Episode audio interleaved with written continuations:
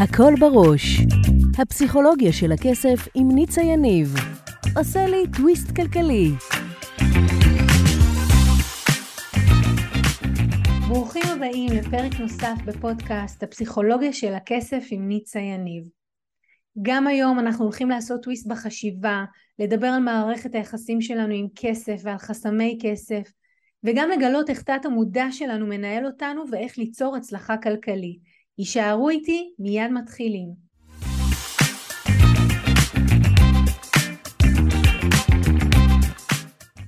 והיום יש לנו שידור מאוד חשוב, קיבלתי מכם הרבה פניות, תודה לכל מי שכותב ומגיב. ובקשות מהורים שביקשו ממני ממש לתת כללי זהב לאיך לפתח אצל הילדים מגיל צעיר הרגלי, אה, הרגלים כלכליים בריאים כדי שהילדים שלהם לא יהיו כמוהם, כמו שאימא אמרה לי, אני לא רוצה שהיא תיכנס לחובות, אני לא רוצה שהיא תיקח הלוואות, אני לא רוצה שהיא תהיה כל הזמן בטירוף הזה של איך סוגרים את החודש ומה עושים ומאיפה מזיזים כסף לאן. ולכן פנו אליי הורים וביקשו, ובדיוק על זה אנחנו הולכים לדבר היום. היום אני הולכת לתת לכם כללי זהב שאני אומרת לכם שעובדים, יישמו אותם בבית, לא חייבים ליישם את הכל בפעם אחת, כל פעם אתם יכולים לשלב משהו נוסף שנוח לכם וטבעי לכם. החוק תמיד יהיה להתחיל עם מה שהכי קל לכם ופשוט לכם. הרבה פעמים אני פוגשת אנשים וכשאני נותנת להם כללי זהב להתנהלות ולהתנהגות, מה שהם עושים זה שהם מתחילים עם הדבר הכי קשה. אה, הם אומרים לי, אבל ככה זה בדיאטה, לא? אתה קודם מוריד את המתוקים, ואני הכי אוהב מתוקים. אז אה, פה זה לא דיאטה. וכאן אנחנו רוצים באמת להתחיל עם הדבר שהכי יהיה לכם קל לשלב בבית ולהפוך אותו לחלק מהיום יום ומהשגרה שלכם עם הילדים. כשאתם עושים את זה, אתם כבר עליתם על הנתיב וכבר אתם מתחילים להקנות לילדים הרגלים כלכליים בריאים. עוד שאלה שאני אענה עליה לפני שנתחיל לדבר היום על הנושא הזה זה מאיזה גיל. תמיד אומרים לי אז מאיזה גיל מתחילים? התשובה מכל גיל שהילד כבר מבין.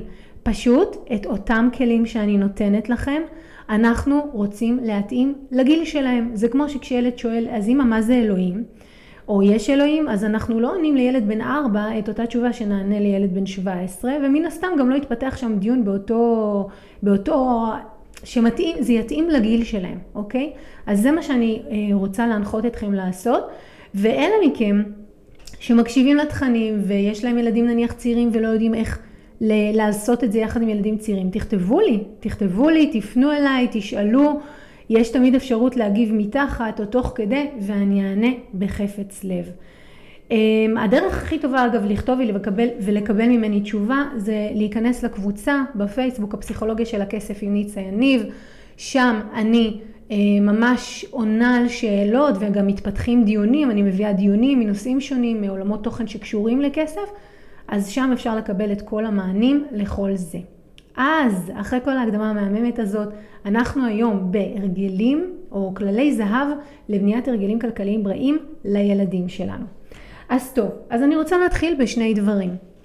הדבר הראשון שאני ארצה לדבר עליו זה איך שאני תופסת הורות בהיבט הכלכלי, אוקיי? אני לא תופסת את זה בכל ההיבטים, רק ואך ורק ספציפית להיבט הזה. אז בכל בית יש בדרך כלל לפחות הורה אחד שהוא דמות סמכותית אה, משמעותית. מה הכוונה? לפעמים יש אימא חד-הורית או אבא חד-הורי, אבל תהיה שם סבתא מאוד מעורבת או סבא, ולכן אני אומרת יש לנו לפחות דמות אחת, ולכן כדאי שהדמות שהכי מרגישה בנוח לעשות את התהליך שאני אדבר עליו עכשיו עם הילדים, תיקח את זה בשתי ידיים ותמנף, אז אם זה לא אתם מאיזושהי סיבה, אלא אם יש סבתא מעורבת או דמות סמכותית אחרת, בבקשה תנו לה להקשיב לפרק הזה, תנו לה להקשיב לפרק ושתפעל באמת כמו שאני מנחה. דבר נוסף זה שיש תוכנית נוספת שכל כולה עוסקת ב, גם בתודעה וגם אילו פעולות ואיך תת המודע שלנו יכול לעשות את זה קל יותר לנו ללמד את הילדים, אז תקשיבו לפרק הזה, אני גם אוסיף אותו כאן בקישור, שמי ששומע את זה, מי שמקשיב לזה, יוכל גם להקשיב לתוכנית הנוספת ההיא. חובה את שניהם, כי זה משלים איזשהו תהליך שלם של איך מדברים עם ילדים על כסף. מהמם. אז אותו הורה, שאמרנו שהוא הדמות שיכולה לדבר עם הילדים על זה, לוקח את זה על עצמו, והוא לצורך העניין רואה את עצמו כמאמן. אני קוראת לזה ממש מנטור. אני רוצה שבמקום הזה תצאו שנייה מניקית את החדר, סידרת את החדר, עשית שיעורי בית. למקום שאתם נפגשים איתם ואתם שם באים לעשות להם אימון כלכלי, ממש ככה. ואני ממש אתן את ההנחיות איך לעשות את זה. אז קודם כל אנחנו מחליטים מי ההורה שיהיה המנטור או המאמן הכלכלי של הילד. שלב ראשון. בשלב השני, אני רוצה שאתם כמאמנים תתחילו להסתכל קצת בבית שלכם מה קורה באינטראקציות גם עם הילדים וגם אם יש בן זוג או אם יש דמויות משמעותיות אחרות. אני אסביר למה. המקום שבו יש הכי הרבה מאבקי שליטה בין הילדים לבין ההורים אחרי אוכל, אחרי אוכל אני אומרת במפורש, זה כסף. כי בכל בית יש את השיח, נדבר שנייה על אוכל ואז נעשה את ההקבלה לכסף. צא מהצלחת, לא אכלת, אין מתוק לפני שאכלת ארוחה, תאכל מתוק עכשיו לא, לך, לא תוכל לאכול משהו אחר, אה, אתה אוכל יותר מדי, אה, אל תאכל יותר מדי, כן תאכל פחות מדי, אנחנו כל הזמן בשיחה, קודם כל עם עצמנו, כי גם אנחנו תוצר של אה, בית גידול של הילדות שלנו, של הבית שלנו, וגם לנו לא מעט אכלות הראש, על מה מותר ומה אסור בנושא אוכל, אבל זה גם ממש גולש לנושא של כסף, ואני רוצה להגיד פה כמה מילים. תראו, ילדים, ואתם יודעים, הם, הילדים שלכם הם, הם עם חכם, והם רואים הכל, הם לא מפספסים שום דבר. אז בבתים שבהם יהיה מאבק כוחות סביב הנושא של כסף, הילדים ברוב אה, דיוקם והעומק שלהם, האינטליגנציה שלהם, הם, הם קולטים את זה, ואני רוצה רגע שתבינו מה הם קולטים. הם קולטים שלכסף יש כוח, שכסף יכול להוביל למאבק כוחות, ושמי שיש לו הוא החזק. אני ממש רשמתי אמ, שכסף הוא משהו בעל ערך, שיכול לשמש מקור לחרדה ולפעמים גם חשש לעתיד, ולכן מה שקורה זה שהם מבינים שלכסף יש כוח. ומהיום שהם הבינו שלכסף יש כוח, כמו שביום שהם הבינו שזה נורא מנהל אתכם כשהם אוכלים או לא אוכלים, או אוכלים יותר מדי או אוכלים פחות מדי, הם יתחילו להפעיל את זה, את המנגנון הזה, והם ילחצו, לא כי הם לא אוהבים אתכם, כי הם מבינים שיש לזה כוח, ובמקומות שהם ירגישו משוללי כוח או ירצו משהו, הם פשוט יפעילו את זה, הם יפעילו מניפולציות שקשורות לכסף, כי הם מבינים שכסף גורם לכם באיזושהי רמה לחרדה, מנהל אתכם, מפעיל אתכם, משפיע עליכם, אז הם נכנסים למשחק, למשחק שהם רואים בבית. אולי משחק זה לא מילה טובה, דינמיקה, אוקיי? אז קודם כל אנחנו צריכים להבין את זה, וממש אני רוצה להגיד את המשפט הבא, תפיסת הכסף יכולה להיות מושפעת ומושפעת מהיחס במשפחה, אבל זה לא רק יושב על כסף, לכלל המשאבים. אה, כולנו יודעים שבכל בית יש כמו ויכוח או תחרות סמויה בין מי אוהבת, את מי אימא אוהבת או אבא אוהב יותר, אותי או את האח שלי. במי אבא משקיע יותר, בי או באח שלי, אז כסף הוא פשוט עוד דבר שנכנס למאבק הזה שממילא יש, כשכל ילד נאבק על מקומו, אמ, וזה שם, וזה מפעיל אותם ואתכם. ולכן, בדיוק מהסיבה הזו, שעכשיו אנחנו מבינים את זה, אנחנו חייבים שנייה להתרחק מהמקום ההורי, שיש לו גם תסריטות שלנו, כן? תלוי איפה אתם הייתם במשפחה, אתם הייתם הילד השני, הילד השישי, הילד הראשון, הבכור. אז אנחנו רוצים להתרחק שנייה מהסיפור האישי שלנו ולבוא מולם כמו מנטורים כלכליים. מנטורים שהתפקיד שלהם או מה שהם שמים בראש מעייניהם ממש זה לגדל ילד שיש לו הרגלים כלכליים בריאים כדי שהוא לא ייפול למקומות שאנחנו כהורים יכולים ליפול עליהם כמו חובות, כמו הלוואות, כמו איך סוגרים את החודש, כמו מה יהיה. ורק כשאתם מגיעים מה... נגיד מהמוד הזה, אני אומרת לכם, זה כבר יעשה הבדל משמעותי. כי כשאתה בא כמנטור ואתה לא בא מהמקום הרגשי, אז אתה גם לא פוגש את הילד במקום הרגשי שלו, כי בוא נודה על האמת, יש לנו ילדים ואנחנו אוהבים את כולם, אבל עם כל אחד יש לנו יחס אחר. לפעמים זה גם תקופות, כן? יש ילד שיותר קל לך איתו בתקופה מסוימת, ותקופה אחרי זה הוא מתחבר יותר לדמות סמכותית אחרת במשפחה. אז קודם כל הייתי אומרת, תתחילו עם הילד שקל לכם. הנה עוד כלל זהב שאני נותנת לכם בנדיבות. תתחילו עם הילד שקל לכם. כי איתו יהיה לכם, אותו יהיה לכם יותר קל לאמן. דבר שני, תבואו בכובע של אני מאמן כלכלי, והמטרה שלי היא להביא את הילד לבנות הרגלים כלכליים טובים, בריאים, שהוא לא ייפול לבורות שאני נופל. דבר שלישי, תשתפו אותו, אה, תשתפו אותו בזה, זאת אומרת תקראו לו, תגידו לו, תקשיב, אני עכשיו עושה עם עצמי איזשהו תהליך, או אני החלטתי שאני רוצה לעשות כאן איזשהו שינוי בבית, והייתי שמח להתחיל איתך או איתך. האם אתה מסכים? כי אתם צריכים, אתם צריכים את ההסכמה שלהם. תקשיבו, בלי הסכמה זה לא יהיה זה. לא יהיה זה. האם אתה מסכים? האם מתאים לך שפעם בשבוע נעשה איזה כזה אה, רבע שעה, עשרים דקות, שאנחנו ביחד מתעסקים קצת בנושא של כסף, זה יהיה כיפי, אני מבטיח לך. עכשיו, כשאני אומרת זה יהיה כיפי, אני מבטיח לך או לך, אני לא הולכת בזמן הזה של ה-20 דקות, לא להעיר להם על החדר, לא להשחיל להם כל מיני על מה הם אכלו או לא אכלו. תקשיבו, אם אתם תיפלו בזה, זה לא יהיה אותו דבר. לא. אם אתם באים, כמו שאתם לא נכנסים לפגישת עבודה, בעסק, סלש, בקריירה, ואתם לא מתחילים להביא דברים מהבית, אתם עניינים, אז גם פה אנחנו באים עניינים, רק ורק ואך ורק כשאנחנו חותמים את הפגישה ואומרים איזה פגישה מהממת הייתה לנו, יאללה, קובעים שוב אחת נוספת בשבוע הבא, עכשיו תנו שנייה בריף, תנו שנייה איזה מרחב כזה, מרווח, ואז אם אתם רוצים להאיר באלף או בעין, כמו שהרבה הורים אומרים לי, אני לא מאיר בעין, אני מאיר באלף, אין בעיה, אבל לא באותו רגע, תשחררו, תשחררו, שימו מוזיקה, תחליפו אווירה, בסדר? אז אלה דברים שמאוד מאוד חשוב אה, לדבר עליהם, כי כל עוד אנחנו יודעים לגרום לילדים להבין שכסף הוא לא משאב שמתרוקן, הוא משאב שיכול להתמלא. כל עוד אנחנו, גם אם אנחנו נלחמים בכסף, אנחנו מדברים איתו על זה. כל עוד אנחנו מראים לו שכסף יש לו כוח, אבל הוא לא שולט בנו, אנחנו כבר בזה, וואו, נתנו לילדים שלנו הרבה מעבר למה שההורים שלנו יכלו לתת לנו, גם מפאת המקום שלהם והדרך שהם עברו ומה שהיה להם או לא היה להם.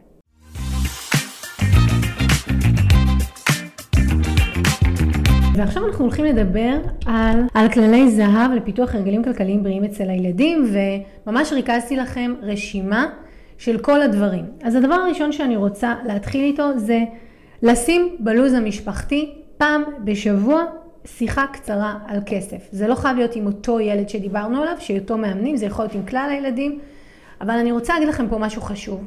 תראו, יש בתים שהם מאוד מובנים, זאת אומרת שההורים הם מובנים והם עובדים המון עם טבלאות ועם תכנון יומי, ויש בתים הרבה יותר זורמים. בבתים זורמים, יותר מבבתים מובנים, אה, אני מוצאת מעבודה של שנים, אין פה איזה מחקר מדעי, שלילדים האלה יותר קשה לנהל כסף. למה? כי כל הקונספט של להכניס לטבלה ולסדר את זה, אין להם כזה. וילדים שיש להם הפרעות, את מתנת הקשב וריכוז, או הפרעת הקשב וריכוז, יהיה להם מאוד קשה לנהל משהו מסודר, ולכן חשוב מאוד להתחיל איתם בגיל צעיר. אז מה אנחנו עושים כדי שלילדים לא תהיה התנגדות לזה? אנחנו קונים לוח פשוט, אה, שבועי, יש בכל מקום היום שאפשר לקנות, ואנחנו משבצים ושמים את זה על המקרר, את כל הדברים הגדולים שאנחנו יודעים שיש. לא יודעת, יום שלישי, חוג בלט, יום חמישי, חוג טניס. וגם פגישה שבועית על כסף. עכשיו, מה, למה זה חשוב? כי ברגע שהילדים גדלים בבית שהם רגילים לראות שיש טבלה מרכזת, מסכמת, שתוחמת זמן, קודם כל כבר לא תהיה להם התנגדות לזה כשהם יגדלו. כי כשאתה, בסוף כשאתה גדל, אתה צריך לנהל חשבון בנק. ורוב הילדים לא רגילים בכלל, במיוחד היום בדור הפלאפוני, בגלל זה זה כל כך חשוב. כולם חיים בטלפון ויש לנו יומן בנייד וזהו, לא צריך מעבר. מאוד מאוד חשוב שיהיה להם את הדוגמה הזאת שלכם, שיש איזשהו, אפילו דף A4, שרטטו, תעשו מבנה שבועי ותשימו את הדברים הקבועים שלא משתנים על הלוח. כי כשהילדים יתרגלו לראות ניהול זמן, הם גם יבינו את הקונספט של ניהול כסף. אז, עכשיו ההורים אומרים לי, למה צריך? כל יום שישי אנחנו אוכלים ביחד, אז למה אני צריך לסמן את זה? צריך לסמן את זה. כשמסמנים את זה, הילדים מבינים שיש סדר והם מתחילים לעבוד נכון מגיל צעיר. אז זה הכלל הראשון. הכלל השני זה באמת לעבוד עם תקציב. רוב הילדים בכלל לא מבינים את הקונספט של תקציב. לא, הם לא מבינים. אני אגיד לכם גם עוד משהו על זה, שאחד הדברים שאני ממליצה בגיל יותר מאוחר זה לפתוח חשבון בנק, ואז הורים אומרים לי, כן, אבל לנהל חשבון בנק זה עולה כסף. ואני אגיד לכם, לא לנהל חשבון בנק מגיל צעיר, ולנהל את זה רק כשאתה בוגר, כי זה עולה כסף לנהל חשבון בנק בגיל צעיר, זה עולה יותר. זה עולה בהלוואות, זה עולה בלרדת מתחת למינוס, וזה עולה בניצול מסגרת האשראי. אז אתם, התפקיד שלכם מגיל צעיר, גם שזה, תחשבו על זה כחוג, כן? זה מדהים אותי לראות שהורים מסכימים להוציא כסף על חוג פעם בחודש. ובואו, אין בכלל מה להשוות בין החוג ל, ל, לחשבון בנק. ברגע שהילד מתבגר, אפשר כבר לפתוח לו חשבון בנק, נכון, הוא ישלם, תשלמו קצת עמלות, אבל הוא יבין שיש לו חשבון, ואתם תגידו לו בגיל שאתם עוד יכולים לנהל אותו. נכנסת השבוע, אתה יודע מה המצב שלך, את הכסף מהבייביסיטר הכנסת, זה מאוד מאוד חשוב שהם יעשו את זה כבר איתכם כשהם צעירים יותר. אז כשאני אומרת לעבוד עם תקציב, זה אומר, אם הילד צעיר ואי אפשר לפתוח חשבון בנק, שיהיה לו דף. גם את הדף אפשר לשים או על המקרר או במקום שבבית אצלכם זה נחשב שכולם יודעים איפה הוא. והילד ממש מנהל שם רישום, כמה נכנס, כמה סבתא נתנה לו, כמה כמה הוא קנה מזה משהו אחר, והוא ממש מנהל רישום, ואם הוא לא יודע לנהל אה, חישובים, הכל בסדר, יש מחשבון, כל הילדים היום יודעים להשתמש במחשב, וון ומחשבון שבנייד, אין סיבה שלא לעשות את זה. שני הדברים האלה, אחד מסגרת, שהיא טבלה, ושתיים, שזה לנהל תקציב שבו, ואתם צריכים לעשות את זה בזמן אמת. אני שומעת הורים אומרים לילדים, טוב, לא נורא, אה, כשיצא לך תרשום. לא, לא, אם אתם רוצים להקנות להם הרגלים כלכליים בריאים, הם צריכים לדעת, כל יום ראשון נכנסים לראות, גם אם אין מה לראות, נכנסים. זה הרגל, הרגל. יש הרגלים שהם פשוט, גם אם הם לא מופעלים, אנחנו צריכים לעשות אותם, כמו לשפשף שיניים, כמו עושים אותם. אז אותו דבר זה, אוקיי? דבר נוסף, שהוא הרגל, אמ, זה לדבר עם הילדים על פרסומות. האם אתם יודעים לכמה פרסומות אנחנו נחשפים ביום? היום, בחיים שאנחנו חיים, שאנחנו חיים עם הנייד, כל היום בתוך הפנים מסתכלים עליו. אז הסטטיסטיקה מדברת על בין אלף לאלפיים פרסומות ביום שאנחנו חשופים אליהם. זה כמובן נמצאים עם המכשיר ביד, בנייד, וזה אומר שבין אלף לאלפיים פרסומות שהם בעצם תעמולה שבאה להשפיע על קבלת ההחלטות של הילדים שלכם, לזה הם נחשפים ביום מגיל מאוד צעיר. חשוב מאוד לדבר איתם על פרסומות, ואני רגע רוצה לתת לכם את הכלי איך לדבר איתם על זה. רואים טלוויזיה ביחד, יש פרסומת, תעשו לעצמכם מין משחק עם הילדים מגיל צעיר כדי להתחיל כבר לפתח אצלהם אה, הבחנה, ותשאלו אותם, אה, ונגיד יש פרסומת מצחיקה, כי זה מה שעושים, רוצים לעשות פרסומות מצחיקות, אה, תשאלו אותם, אוקיי, מה אתה חושב, מה הם מוכרים כאן? כי הרי היום, מה עושים? לוקחים אנשים משפיענים, מצחיקים, מביאים אותם לעשות פרסומת לבנק, לקופת חולים, ווטאבר, ואז בעצם עושים חיבור בין שני עולמות תוכן, ואתה הרבה פעמים פשוט נהנה מהפרסומת וכבר לא, ואתה לא שם לב בעצם מה מוכרים לך, מה דוחפים. תעשו לעצמכם מין, אה, כמו חידון כזה קליל, מה זה, זה שנייה וכלום. אתם יושבים עם הילדים, או אתם בסלון מבשלים, והם רואים טלוויזיה, או אתם שומעים שהם שומעים פרסומת, להגיד להם, מה אתה אומר? מה הם מוכרים? תרגילו את הילדים לפתח הבחנה למה מוכרים להם כשהם בעצם צופים בנייד. זה מאוד מאוד חשוב, כי עולם הפרסומות הולך ומשתכלל, ואני יכולה להגיד לכם שאחת הפרסומות שלי הכי קשה איתה זה הפרסומות להלוואות. יש פרסומת שמראים גבר עומד במכנסיים קצרים, בשורטס כזה, אה, בבגידי קיץ, וזו פרסומת להלוואה לחופשה. כאילו שמי שלוקח הלוואה לחופשה, החיים שלו דבש. עכשיו רוב האנשים ייקחו את ההלוואה, אבל הם לא ייקחו אותה לחופשה, הם ייקחו לדברים אחרים. אבל מה בעצם יוצרים לנו? יוצרים לנו חיווט בתת מודע בין הלוואה שווה חופשה, הלוואה שווה כיף, הלוואה שווה מדהים. עכשיו הילדים רואים, צופים בפרסומת הזאת, ולהם נשתל בתת המודע, הלוואות זה טוב, הלוואה זה חופשה, הלוואה זה כיף, הלוואה זה מדהים, וזה ממש לא נכון. ולכן, כשאתם מתחילים לפתח אצלהם הבחנה ושואלים אותם את השאלה, מה הם מוכרים לך? הם יתחילו לדבר את השיח הזה בתוך הראש שלהם. הם יראו פרסומות, נניח, לפני סרט כשהולכים לקולנוע, הם יגידו, אוקיי, מה הם מוכרים לי? והם יענו לעצמם גם.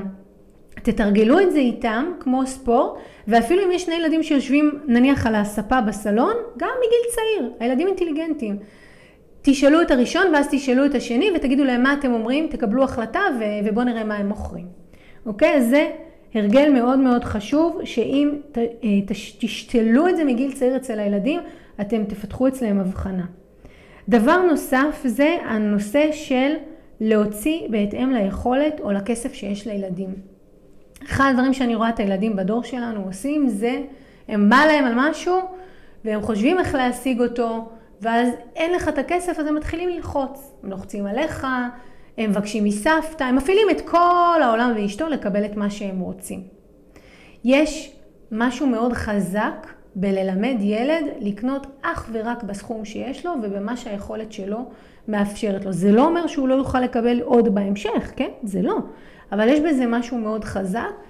אני רגע רוצה להגביל לכם מעולם תוכן אחר, אוכל, תמיד אני נותנת אוכל כדוגמה, משום שאוכל זה הזנה בדיוק כמו כסף.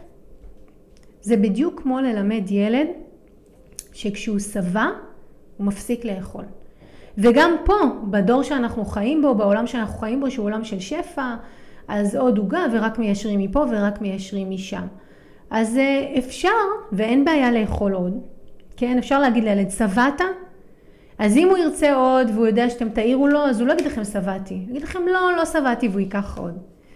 אם אתם עובדים איתם נכון, אז אתם יכולים להגיד להם, זה בסדר אם שבעת ואתה רוצה עוד. וגם לתת להם את העוד, שמדי פעם כן יהיה להם את העוד הזה. אבל הם צריכים קודם כל להבין מה הם מרגישים. הם צריכים להבין שהם שבעו. לא לימד, אנחנו לא נותנים להם כלים, אנחנו גורמים להם להבין שהם צריכים, לה, בוא נקרא לזה, לערבב אותנו. ולהגיד לנו שלא, הם לא שבעו, ואז הם רוצים עוד. ואפשר גם להגיד להם, שבעת, אבל בא לך עוד, ובסדר. הפעם זה בסדר, אבל לפעמים כששבעים צריך להפסיק. או היום נפסיק כששבעת. אז זה ממש הרגל, ואני אומרת לכם משהו מאוד עמוק. אם תרגילו אותם את זה בכסף, ובכסף זה יותר קל מאוכל, יהיה להם יותר קל לעשות את זה גם באוכל. כי זה אותו דבר, זה אותו מנגנון, זה מנגנון פנימי של ילד שאומר, זהו, הגעתי למה שאני צריך, מעבר לזה אני יכול, לא בטוח שאני רוצה, אוקיי? אז זה הרגל מאוד מאוד חשוב, ו... ואני אומרת שוב מה שאמרתי בפתיח, לא צריך ליישם את כל ההרגלים בבת אחת, כל פעם נזכרתם במשהו, תפעילו אותו, אבל כן תשתדלו שלפחות שניים שלושה הרגלים תעשו בקביעות, באופן קבוע עם כל הילדים, עד שהם יוטמעו בבית ויהפכו, ויהפכו ממש להרגל אוטומטי. אה, דבר נוסף זה לשים כסף בצד. וכתבתי לשים כסף בצד מגיל צעיר למקרה שממש רוצים משהו או צריך. זה יושב על הסעיף הקודם. אנחנו, אנחנו עצמנו כהורים הרבה פעמים אומרים, אוקיי, אני, אני רוצה, אני אקנה. אנחנו רוצים ללמד את הילדים להשאיר כסף בצד ממה שיש להם ולהשתמש בו כשהם צריכים או רוצים משהו ואנחנו לא מוכנים לתת אותו או אין להם איך להשיג אותו. כן חשוב לי להגיד שיש ילדים באופיים שהם יותר אה, מוחזקים, הם לא מוציאים כסף, הם, ההורים אומרים לי בונקרים, הם בונקרים. אלה לא ילדים שהייתי מדברת איתם על דווקא להחזיק כסף, איתם הייתי עושה את התהליך ההפוך, הייתי אומרת להם, בוא תראה איך אתה יכול לשחרר קצת. אבל ילדים שבמהות שלהם הם ילדים רוצים, אני רוצה כזה ואני רוצה כזה, כן, תשאירי בצד, כשתרצי, אם תרצי בהמשך, שתמיד יהיה לך, תמיד שיהיה לך אקסטרה לדברים שבא לך ואת רוצה. אמ, דבר נוסף שאני רוצה לדבר עליו זה באמת, זאת, הש... זאת שאלה שמלא פעמים שואלים אותי, איך אני יכול להסביר לילד ניהול תקציב מגיל צעיר? אז קודם אני אענה לגילאים היותר אה, מבוגרים, נגיד 12-13, אז מה שחשוב זה לבנות את התקציב נניח לבת מצווה או לבר מצווה יחד, יחד זה ממש חשוב. אה, לבדוק איתם כמה מוזמנים יש וכמה עולה כל מנה וכמה, כמה, מה יקרה עם הכסף אחרי שתח, אה, אה, שהם יקבלו מתנות, וואי זה אתם חייבים לסגור איתם כי הילדים מטרפים אחר כך את ההורים. מה הולך לקרות עם הכסף כשהם מקבלים את, ה, את המתנות? האם זה נשאר אצלכם? האם לא? אל תשאירו את הילדים שלכם בחוסר אונים ואל תשאירו אותם בחוסר ידיעה בנוגע לכסף, כי זה יחלחל קדימה בזמן להתנהלויות שלהם. שהם יחוו מול כסף חוסר אונים, ואז הם יצטרכו הלוואות ואז הם ייכנסו לחובות. לא.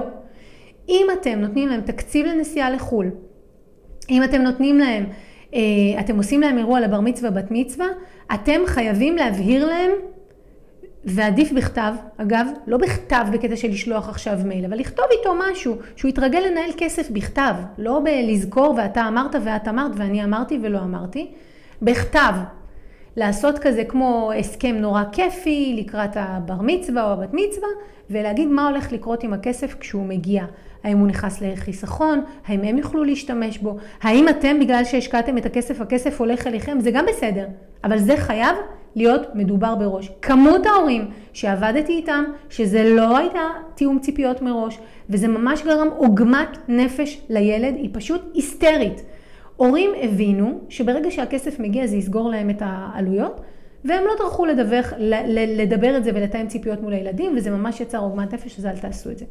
אז עכשיו אני רוצה להסביר במילה איך מתנהלים עם ילדים יותר צעירים. ואני רוצה לתת לכם היום כלי מאוד מאוד חזק, שאם תעבדו איתו, ושוב בקביעות, לא פעם אחת, אה, פעם באף פעם, זה יעזור לילדים שלכם קדימה בזמן לנהל כסף נכון. והכלי הוא ארוחת ערב שבת. בואו נדבר על זה. אם אתם לא חוגגים ארוחת ערב שבת וזה לא אישו אצלכם, אלא כל אחד אוכל מה שהוא רוצה, אז תבחרו איזשהו מועד אחר. וככה זה עובד. אנחנו קוראים לילדים כשהם עוד בגיל צעיר ומתרגלים איתם סביב הארוחת ערב. אנחנו שואלים אותם כמה סועדים הולכים לבוא. מי מגיע? מגיעה המשפחה של אבא, הם 14, מגיעה המשפחה של אימא, הם אה, שלושה. אחר כך אנחנו מדברים איתם על מה בתפריט. ממש מפרטים מה בתפריט. אני יודעת שזה נשמע קצת, להורים בדרך כלל אין זמן לילדים וזה מעצבן אותם ששואלים אותם שאלות, אבל תאמינו לי, אם אתם תעשו את הדבר הזה בנחת, את, הילדים שלכם יקבלו מתנה לחיים, ואתם חוסכים להם המון עוגמת נפש, הלוואות וחובות ועוד כל מיני דברים מהסוג הזה. אז אנחנו מדברים על כמה סועדים יצטרפו, מה בתפריט. ואז אנחנו אומרים איזה מגבלות יש לנו בסעודה הזאת. כשמישהו עובד עם כסף, יש לו מגבלות. יופי שעכשיו הוא רוצה לקנות ב-200 אלף שקל, אבל אם אין לו את הסכום הזה, אם הסכום משתחרר רק בעוד חודש, איך ילד יכול להבין מגבלות אם לא תרגלנו את זה איתו? אז אנחנו מסבירים להם, אנחנו אומרים להם, תראו, דוד אריה, אז הוא צליאקי, הוא לא יכול לאכול לחם. אז אנחנו לא יכולים לאכול, או בתפריט לא יהיה לנו משהו שיש בו לחם. איזה עוד מגבלה יש לנו?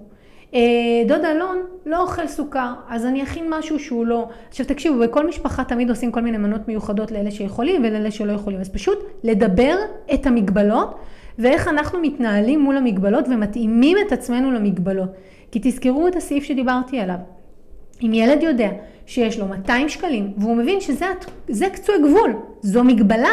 קצה גבול, או מה שקוראים לו בבנק היום כשאתה גדול, מסגרת, זו מגבלה. ילדים שלא הרגילו אותם מגיל צעיר לעמוד במגבלה, כל הזמן יחצו אותה ויצטרכו עוד כסף כדי לטפל בזה.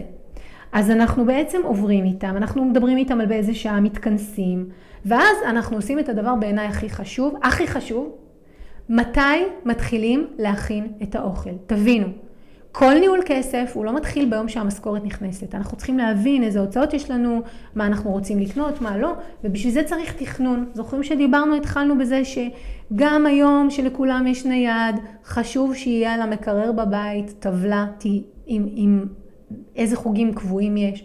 תכנון. כשאני אומרת לילדים, תראה, אני אתחיל להכין את האוכל ביום חמישי, אתה תעזור לי או לא תעזור לי, לפי איך שעובד הבית שלכם, ממש לדבר את זה. והכי קל לדבר את זה עם משהו שילד בסוף רואה את ההוצאה מהכוח אל הפועל של זה. כי אם אתם עוברים איתו את התהליך, ואחרי שאתם עוברים איתו את התהליך, יום שישי כולם מגיעים ויושבים לארוחת ערב, והוא רואה את הכל מתחבר, הוא מבין איך מנהלים כסף, הוא מבין איך מתכננים מראש, איך עומדים במגבלות, איך בוחנים את הסעיפים השונים ומנסים להתאים את עצמנו, ואיך ביום שאני בו צריך לקבל את הכסף או נכנסת משכורת, איך אני מנהל את זה? זאת הדוגמה הכי בסיסית, הכי פשוטה, הכי קלה, ואם עשיתם את זה עם הילד שלכם כמה פעמים, תהפכו אותו לחונך, תביאו לו אח צעיר, תגידו לו עכשיו אתה תעשה את זה עם... אה, מספיק שתעשו את זה איתו פעמיים שלוש, ובפעם הרביעית רק תראו אותו עושה את זה עם אח צעיר ממנו. א', הוא ירגיש נורא גדול ונורא בוגר ונורא ירגיש טוב עם עצמו. ב', כל מה שאנחנו מלמדים, אנחנו, הוא מוטמע אצלנו ברמה יותר עמוקה. וג' לכל ההורים שצפו בי עכשיו והיו בלחץ, מה עכשיו אני צריך לעשות את זה איתם? שנים למי סבלנות? צאו מזה, זה לא שם, אוקיי? וגם אם יש ילד אחד ויש סבתא, אז אפשר לדבר איתה על איך לעשות את זה איתו. היא כמובן תיתן דגשים אחרים, אבל להעביר לה את המסר. ומספיק באמת שתעשו את זה פעמיים, שלוש. אגב, בפעם הרביעית, גם אם אין ילדים אחרים שהם יכולים לחנוך, אתם אומרים להם, עכשיו אני שותק, ואתה אומר לי על מה אנחנו עוברים בשביל שהארוחה תקרה, וזהו. אבל כן, אני לא אגיד לכם, הפעמיים הראשונות יהיו קצת יציאת מצרים, אבל אם בסוף יציאת מצרים יש לנו ארץ מובטחת, ארץ זבת חלב ודבש, אם הילד שלנו הבין איך מנהלים כסף, דיינו, זה שווה את זה, זה שווה את ההשקעה. באמת, באמת זה שווה את ההשקעה. אני רואה את זה בבתים שעובדים ככה ועובדים נכון. אמ, וואו, אז בעצם דיברנו כאן, אני רואה שככה ענינו, דיברנו על הכל. עברנו על כל כללי הזהב שאתם רוצים ליישם. ועכשיו מה שנשאר לכם זה לבחור מתוכם אחד או שניים, לכו על ארוחת ערב שבת, בחייכם לכו על זה, זה, זה שווה, זה באמת חזק. לבחור אחד או שניים ולהתחיל ליישם אותם.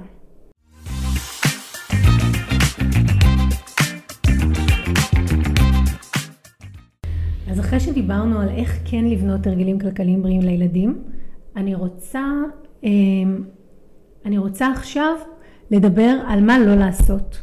אמ, אז הדבר הראשון זה, בכל פעם שהילדים פונים אלינו לדבר על כסף, לא אומרים להם דבר ראשון לא. אני רואה את זה בהרבה בתים, הילדים פונים, מדברים, ישר אומרים להם לא ולא ולא. אז זה בסדר מדי פעם להגיד לא, אבל אי אפשר שתמיד זה יהיה לא. אז אם בן הזוג עושה את זה, אז אפשר בעדינות לבקש ממנו מדי פעם גם לא לעשות את זה, או להגיד לילד תפנה אליי, אני, אני אענה לך. דבר שני, אנחנו לא מסתירים כסף ולא מחביאים כסף. אני רואה את זה הרבה אצל הורים, הילד נכנס לחדר והם אה, מחזיקים את האשראי או משהו שנוגע לכסף, הם ישר התנועה שלהם היא הסתרה. אין מה לעשות, גם אנחנו תוצר של הילדות שלנו, וגם אנחנו אה, מגיבים מאיזה שהם אוטומטיים, אבל אם עשיתם את זה אז פשוט תגידו להם, וואו, אני לא יודע למה נבהלתי, לא הייתי צריך להתנהג כאילו אני מחביא את זה, הכל בסדר, בוא תיכנס. דבר נוסף זה נותנים לילדים דוגמה דרך כשהולכים איתם לקניות לא לבזבז את כל הכסף, את כל הסכום שנשאר. קיבלנו עודף, לשים אותו בכיס, להראות לילדים ששמו אותו בכיס ולהגיד אמ, גם אם הם מבקשים עוד והם יגידו אמא אבל יש לך כסף, נכון, אבל אני בוחרת שלא להוציא אותו עכשיו. אל, בבקשה אל תגידו לילדים שלכם בחיים אין לנו כסף. אני שומעת הורים עושים את זה, תבינו ביום שאתם אומרים לילד אין לנו כסף הוא מקבל את זה כפשוטו. אין לנו כסף, הוא לא מבין שכרגע אין לכם, הוא לא מבין, וזה הרבה הורים משתמשים במינוח הזה, שפשוט על זה לא בא לכם להוציא. הוא מבין שאין להם כסף, וזה מכניס אותם לחרדה קיומית כלכלית מגיל צעיר, אז תימנעו, תגידו יש לי, אבל אני בוחר שלא להוציא על זה. וככה גם הם יתחילו לדבר עם עצמם בשיחה הפנימית שלהם. אמ, הרבה פעמים הורים שואלים אותי, אני לא רוצה לתת להם את הכסף לקנות את מה שהם אה, רוצים, מה אני אמור לעשות? הורים מאוד נלחצים מזה שהילד בא אליהם בציפייה שהם ייתנו לו כסף, לא יודעת, לפלאפון, ללקנות משהו. מותר לכם להגיד לילד לא, ולהגיד לו עכשיו תחשוב עם עצמך, איך אתה כן יכול להשיג את הכסף הזה, אולי לעבוד, אולי לסבתא, אתם גם לא חייבים להציע להם פתרונות, כן, זה שלהם, אבל כן תנו להם לפתח את החלק היזמי בתוכם. אם אנחנו מאכילים אותם בכפית את הכל, אז, אז זה באמת יהיה... קשה, אז הורים נורא נלחצים מזה, אז אני פה להגיד לכם, אל תילחצו, מותר לכם להגיד לילדים, אני לא יכול או לא מרגיש נכון, או ערכית זה לא מסתדר לי לתת לך את הכסף על זה, אבל על הכיפאק, בוא תשיג את זה. אתה רוצה שאני אעזור לך לחשוב על איך להשיג את זה ממקור אחר מעולה, אתה רוצה שאני אחזור, אעזור לך לחשוב על איך להשיג עוד כסף מעולה, אבל אני, ממני, זה לא יגיע. אז רק שתדע. וזה בסדר, זה בסדר, זה, דיברנו על מגבלות מקודם, מקודם, זה בסדר שילד ידע שפה מפה אי אפשר להוציא כסף, זו מגבלה. אז אוקיי, עכשיו הוא צריך לחפש פתרונות יצירתיים במקומות אחרים. והדבר האחרון, שגם דיברנו אותו, אבל היה חשוב לי להגיד את כל הדברים האלה גם בלא, כל כסף שהילדים שלכם מקבלים מסבתא, מתנה, בר מצווה, לא הולך באופן אוטומטי אליכם לפני שזה דובר והיה תאום ציפיות מראש.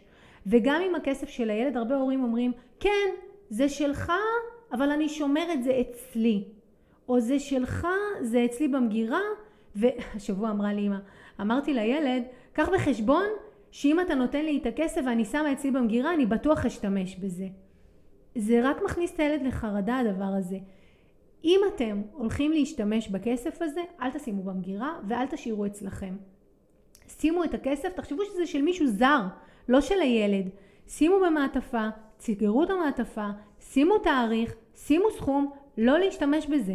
ממש, המון הורים אומרים לי את זה, כן, הייתי צריך מזומן ולא היה לי, אז השתמשתי בכסף של הילד. אם אתם עושים את זה, אני אומרת לכם עכשיו משהו שהוא קשה, אבל אני אגיד אותו. אם אתם לוקחים מהילדים כסף, בלי שזה תואם מראש, בלי שזה סוכם מראש, ואפילו שאתם ההורים ואתם נותנים להם תמיד הכל מכל, אתם מתכנתים את תת המודע של הילד שלכם לכך שזה בסדר לו, שיהיו לו עוולות בהמשך החיים ויקחו ממנו כסף ושאין לו מה לעשות מול זה. בבקשה אל תעשו את זה. אני מצטערת אם אני פה מאוד ברורה ונוקשה, אבל זאת אמת. אם הילד מתרגל מגיל צעיר שהוא מקבל כספים, מישהו אחר מחזיק את זה, וזה לא הבנק, והמישהו הזה גם משתמש בזה, ולא תמיד מחזירים לו, ולא עד הסוף, והוא לא יודע מתי זה יחזור, ומי לקח וכמה לקח, ככה אתם מחנכים את תת המודע של הילד שלכם לצאת לחיים ולחיות ככה. אל תעשו את זה. לא אם אתם רוצים להקנות לילדים שלכם הרגלים כלכליים בריאים. בסדר? דברו הכל, דברו הכל, תתאמו הכל מראש, תבקשו גם רשות, תרגילו את הילד שכשבאים לקחת ממנו כסף צריך לבקש את רשותו, לא שזה אוטומט שלוקחים ממנו. כי מחר זה דמות סמכותית כמו הבוס, שמחליט לא לשלם לו פיצויים או לא לשלם לו משהו שמגיע לו בזכות, ומה הוא יגיד אם הוא יתרגל שמילדות זה מה שעושים לו? לא יהיה לו מה להגיד, לא יהיה לו פנים, אוקיי? נקודה סופר חשובה. אז גם את זה לא עושים. אמ, טוב, אז אני רוצה רגע לסכם את מה שהיה לנו היום. היה לנו, אמ, היה לנו אה, ממש כללי זהב לחנך את הילדים להרגלים כלכליים בריאים. דיברנו על ההרגלים, אמצו מתוכם את מה שעובד לכם. קיבלתם פה המון ערך, המון. אתם ממש יכולים עכשיו לצאת, להתחיל ולעשות. אמ, דיברנו גם על מה לא. דיברנו אה, בכלל על, על מה שאני קוראת לו ההורה כמאמן כלכלי. והסברתי לכם איך אתם יכולים לעשות את זה בצורה נכונה. תקשיבו, כסף זה משהו מאוד חשוב בחיים שלנו. תנו לילדים שלכם, תקנו להם כלים והרגלים בריאים מגיל צעיר.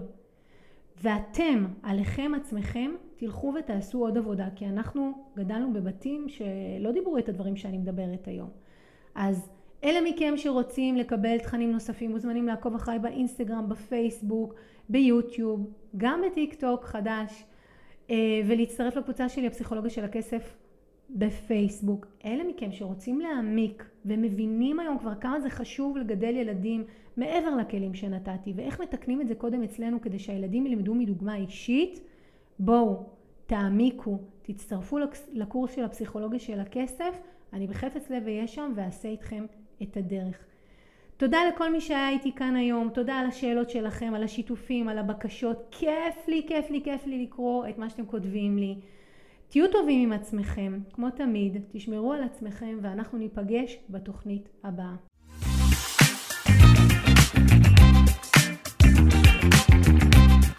אם אהבתם את הפרק, שתפו אותי למה התחברתם, ממש מעניין אותי לשמוע. אם בא לכם ללמוד עוד על הפסיכולוגיה של הכסף, הנה המקומות שאתם יכולים להתחיל בהם.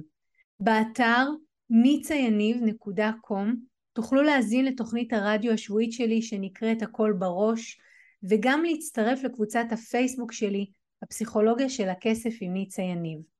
אם אתם עדיין לא עוקבים אחריי בפייסבוק, באינסטגרם או ביוטיוב זה בדיוק הזמן לעשות את זה. אלה מכם שרוצים להעמיק אתם יכולים לפגוש אותי אחת לחודש במפגשים הקבוצתיים לאימון בלייב או להצטרף לקורס המקיף לשחרור חסמי כסף. תמיד תזכרו, השינוי שלכם עם כסף מתחיל כאן, במקום שבו כסף ותודעה נפגשים.